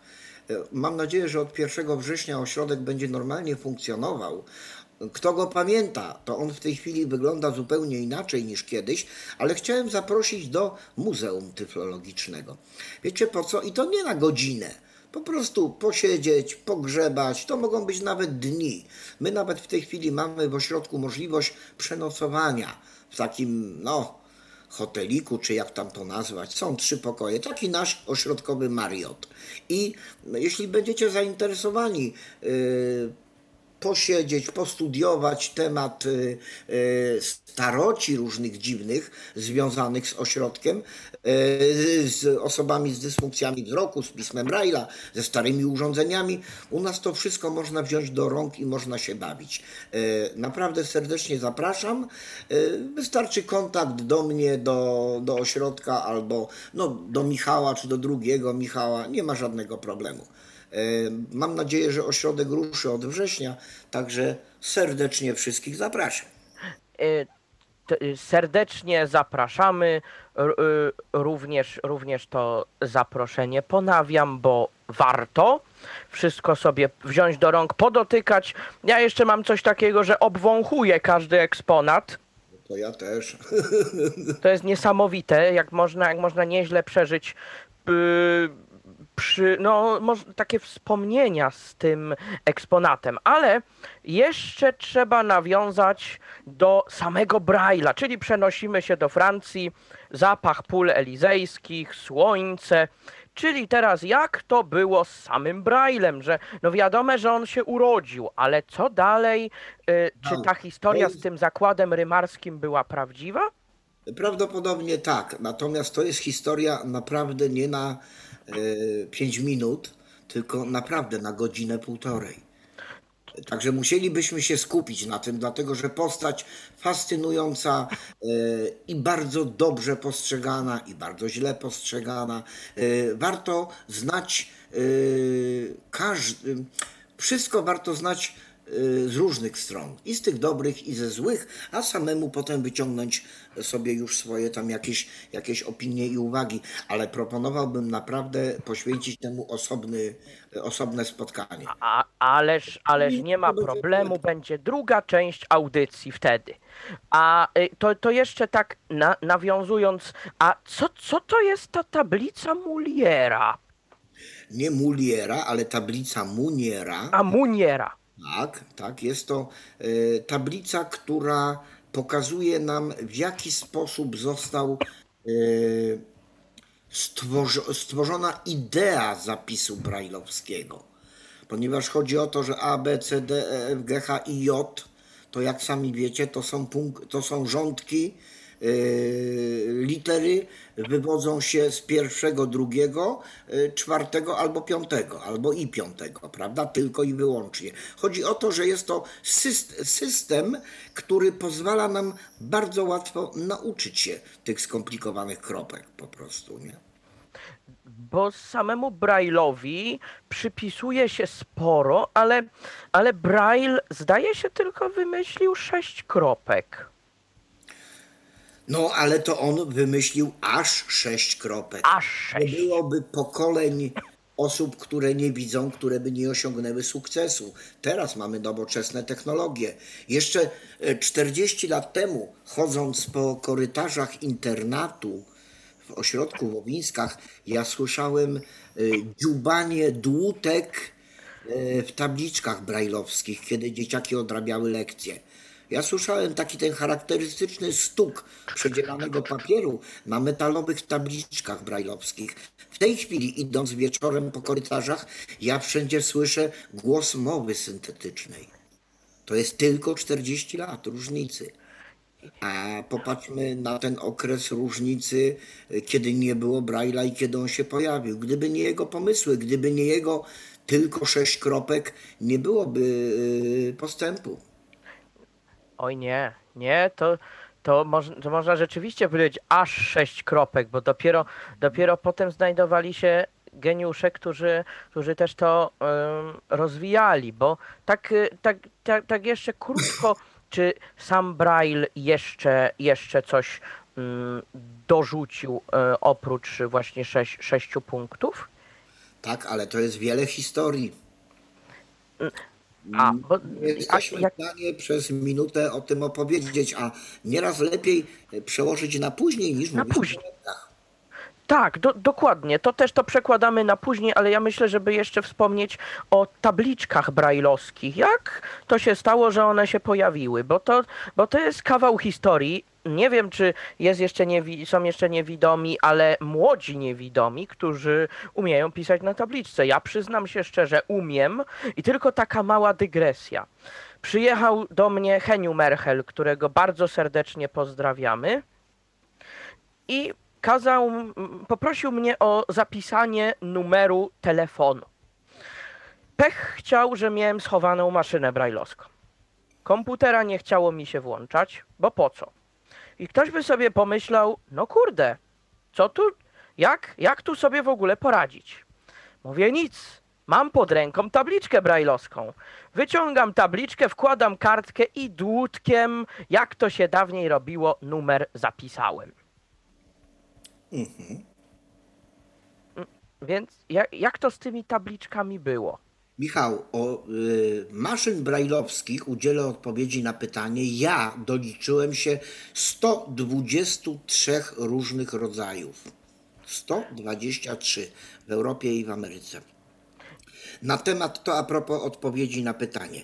A teraz na Twoje pytanie, jak to było z tymi tabliczkami, odpowiem, że na temat jednej tylko tabliczki, tak zwanej praskiej tabulki, napisano książkę, która ma prawie 400 stron. A rodzajów tabliczek były setki. Nie jesteśmy w stanie udzielić odpowiedzi w minutę na ten temat. Niesamowite.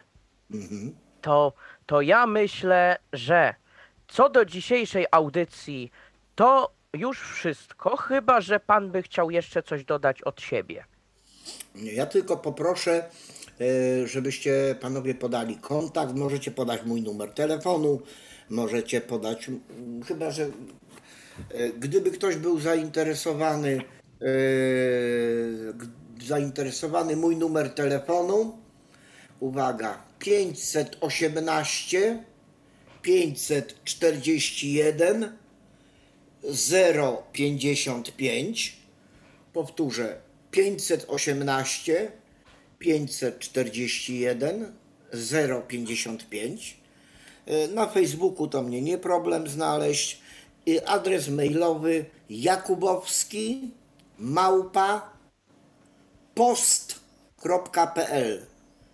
jakubowski małpa post.pl i naprawdę serdecznie zapraszam do kontaktu e, w ośrodku w Owińskach, e, żeby było jasne, inne ośrodki dla niewidomych w Polsce też są niesamowicie ciekawe i wszędzie, wszędzie można coś interesującego znaleźć. Nie tylko zresztą w ośrodkach. Ja kilka dni temu wróciłem z Gdańska, gdzie e, pojechałem nad morze. Polegało to na tym, że byłem w budynkach, gdzie do 1944 roku e, funkcjonowała szkoła dla niewidomych, niemiecka w Gdańsku. Ot taka ciekawa. Wow, a to ciekawostka akurat, bo tak, to kto by pomyślał? No. I byłem, spędziłem dwie doby na strychach i w piwnicach. Było rewelacyjnie. Wow, także dziękuję wszystkim, że chciało się Wam być, że chciało się słuchać mojego ględzenia. Przepraszam za e, moje gadulstwo, ale no, myślę, że to tak z wiekiem jest. Każdy z nas to będzie chyba kiedyś miał. Że im człowiek starszy, jak ma słuchaczy, to chce mu się opowiadać. Ale zapraszam do Owińsk. Hm? zapraszamy, zapraszamy i zapewniamy Państwa, że, y, y, za, że będą kolejne a, audycje właśnie z naszym udziałem i z udziałem naszego dzisiejszego gościa, czyli, czyli pana Marka Jakubowskiego. Serdecznie zapraszamy. I dzie- dziękujemy bardzo. Ja, ja nazywam się Michał Brajer i dz- dziękuję bardzo też y, Michałowi Dziwiszowi, który ten program realizował. Był to Tyflo Podcast. Pierwszy polski podcast dla niewidomych i słabowidzących. Program współfinansowany ze środków Państwowego Funduszu Rehabilitacji Osób Niepełnosprawnych.